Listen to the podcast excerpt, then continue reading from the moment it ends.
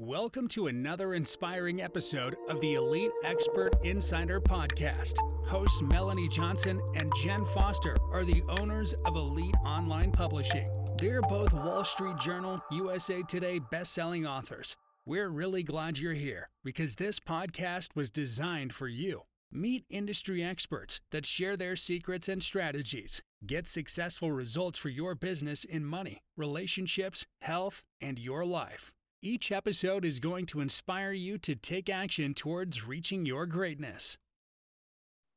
Hey everyone, it's Melanie Johnson. Welcome to another great podcast. I have my business partner here, Jen Foster. Hey, Jen. Hey everyone, how's it going today? Well, we're looking for a fantastic interview today. You know, I want to say so many parents and adults have maybe been affected themselves by a brain injury or know someone with a brain injury, whether it's been really traumatic, like a car accident, like our guest here today, or even with concussions. I know my sons have had multiple concussions and I've seen it affect them. And it's really hard to come back from them. And Kristen Abello has a story of faith, love, and hope and healing through this traumatic incident. And we're going to learn so much from her today. She has a new book out. Kristen, welcome to our podcast. Hi, guys. Hi, Jen. Hi, Melanie. How are you? Good to see you. We're doing great. Well, tell us, Kristen, a little bit about how you got started in writing your book and a little bit of the backstory of your accident. Okay. Well, actually, I I want to say that I'm lucky or blessed that I'm here today, able to talk about my story and having being able to it. See, this is the part we need to delete because I'm nervous. no, we're just uh, going to keep going. It's going to say that right in it. Yeah, okay. okay, I love it. I love it. tell it. us a little bit about like what happened to you. Tell us about the accident that you had. Okay.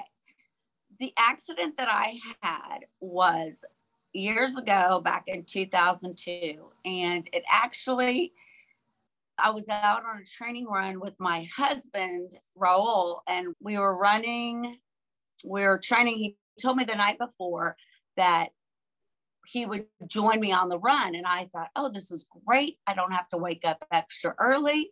I don't have to go meet my running group in Houston. We lived in Sugar Land at the time. And we went running. We started our morning off. We went running.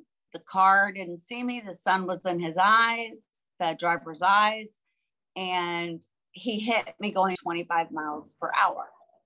Wow. So, that being said, I was lifeless and then obviously life flighted to TIRR Memorial, or actually Memorial Hermann, and then mm-hmm but that's jumping ahead. So anyway, go ahead. so when you got there, they figured out that you had this, your brain was traumatized from that. Well, when they got there, I was in a lifeless form, right. meaning, um, meaning in a immediate coma from the impact of the car. Wow. And a lot of times your body does that. It knows that it's an emergency and it shuts everything down because it yep. knows it's had a trauma. Exactly. Right. Exactly. You're right on. Yeah. So your family must have just been scared to death. He, Raul was with me. He unfortunately saw the whole thing. And the man who inadvertently hit me or accidentally hit me, he's the one that actually saved my life. He he called the ambulance. But when the ambulance got there, now I'm telling you part of the book. okay. That's good. You, we want to know that. Okay, okay. When the ambulance got there, they couldn't do anything about it. So that's when Life Flight was called. And because of such immediate response and the waiting didn't take place, no waiting, because time is of the essence at that time.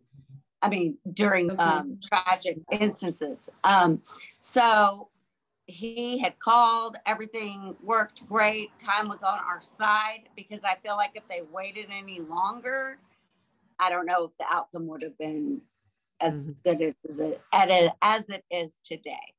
Yeah. Sorry, I get choked up talking about it. so tell us okay. a little bit about the recovery process that you went through. The recovery first I was in Memorial Hermann. I was in a coma from the impact and then a, a medically induced coma. You know, your body, my body, or anyone's body needs needs that. So what happened? Uh, the doctor said she needs to come out of the coma um, before seven days. It's touch and go, touch and go. So I had my God, my family, my friends, my husband, everyone there supporting me, except I was in a coma. And finally, on the seventh day, I did wake up. I woke up from the coma. Then the then fast forward because I don't want to tell you all about the book. Yeah. Fast forward, I got transferred to to TIRR, and that is the Institute of Rehabilitation and Research. Excellent, excellent hospital, rehab hospital. And so I went there and I had occupational therapy, speech therapy, physical therapy, every therapy, name it, I had it. So we worked hard and, or I worked hard. God and I worked hard. Then what happened? Eh, well, how so long was that? Did I answer recovery? your question? Did yeah. How long yeah. was that recovery? The recovery. Well, when I was in TIRR, it was probably a few weeks. But the recovery doesn't end when you leave the hospital. And anybody in a traumatic experience or any cancer, anything can tell you it doesn't end there. It's like a, it's honestly a lifelong thing. But I'd say it was probably that first the first nine months to a year were my that was the main healing points where I did therapy all the time, physical yeah. therapy, occupational therapy all the time. Mm-hmm. Yeah. You have to have a lot of faith and resilience to get up to fight through that, to keep wanting to go through recovery. So many yes, people give up. Um, you yeah. mentioned faith. How did your faith play in this to give you the strength to get through it all for the continuation of the therapy and recovery? My faith was number one. I believed so much and you know i would i would talk to god i would all the time still like we all do right uh, anyway i prayed all the time talked to god all the time and just persevered all the time i just i just knew what i had to do i knew mm-hmm. what i had to do what and, motivated you the most? Like, how did you stay motivated? Like to get mm. like out of bed? Because I think that would be the hardest thing for me. Is like not wanting to go to physical therapy because it's hard, right? Yeah, I know, right, right. well, we well, what really got me was my husband and my son. My son at the time was a year and a half old. Oh, so that was that was what kept me going. Yeah. You know, I had to get better mm-hmm. for mm-hmm. Raul and Jacob. Raul mm-hmm. and Jacob. Mm-hmm. I love That's that. You had, a, you had a big why, you know, of why you needed to get better. So then you decided to write your story. What motivated you to write your story and, and turn it into a book? Actually, this is kind of a fun story. I, you know, I've always wanted to, but growing up, my boys growing up the last, I don't know, 18, 21 years. One's 18, the other one's 21 boys. And I was busy with their lives, you know, and now my youngest is a senior. So I have time. But when I wrote the book in 2019, that's when I wrote it before the pandemic. I I've been wanting to do that forever to share my story, but not necessarily via book. I wanted to do it through a movie. I mm-hmm. was telling my friend on a boat in Lake Travis, I was like, I really, I wish they would just make a movie of my story, just see, seeing the darkness, how things can be so dark and no hope whatsoever. But then look, look what faith, having the faith and support of husband, family, friends, just anyone, just support look what it does. So originally I wanted a movie, but quickly I was told by my mentor in New York, I was quickly told you've got to write a book first. You can't have a movie. You can't just jump into a movie. so that's when I had, that's when I got pen to paper. Mm-hmm. That and she how- inspired me to get Laura Heinz Keller inspired me to put pen to paper and and helped me start the writing process. Yeah. And, and are you a natural writer? Like, are you a natural writer? Do you just like sit down and write, or was that kind of hard for you to get started?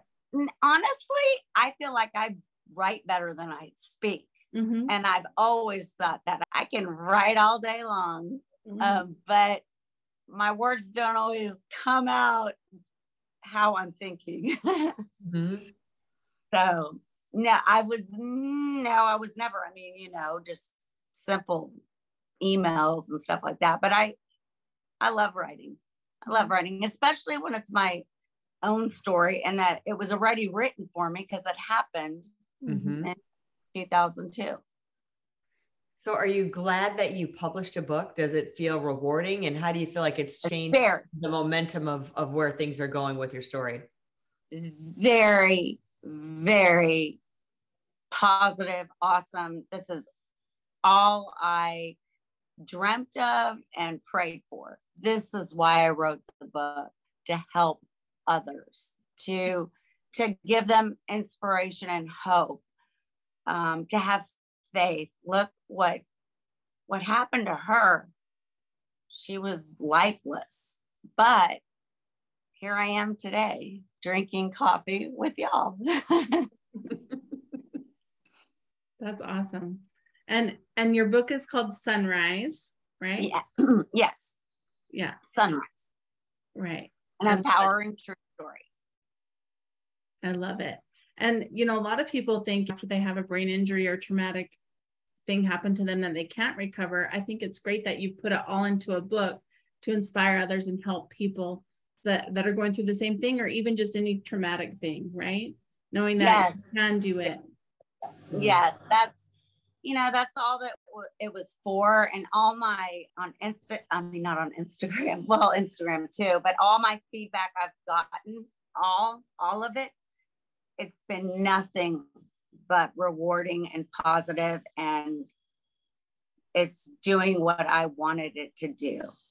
I, the book is doing what I wanted it to do, helping strangers, people I don't even know, giving them hope yeah. because that's, that's that's what helps when you have a positive attitude and faith again i'm bringing up faith because that's so important. If you have both of those you're good to go. Awesome. You well know, and i see that. the, oh, oh go, oh, go ahead, ahead melanie I would say that's the power of a book, right? That it can touch so many people's lives, they don't realize it. And the power continues. They think about it for their lifetime, but your book outlives you. Uh, when you're gone, your message will yes. still stay for thousands of people for years and years to come. Yes, exactly. I love that. Well, and I also see that you're writing or you have written and created a journal to go along with your book that will help others who are going through this to have their day-to-day routine that goes through all the checklists that you need to do to help you recover right? Yes. It, yes i yes i did. And it is coming it's the sunrise journal it's coming this fall.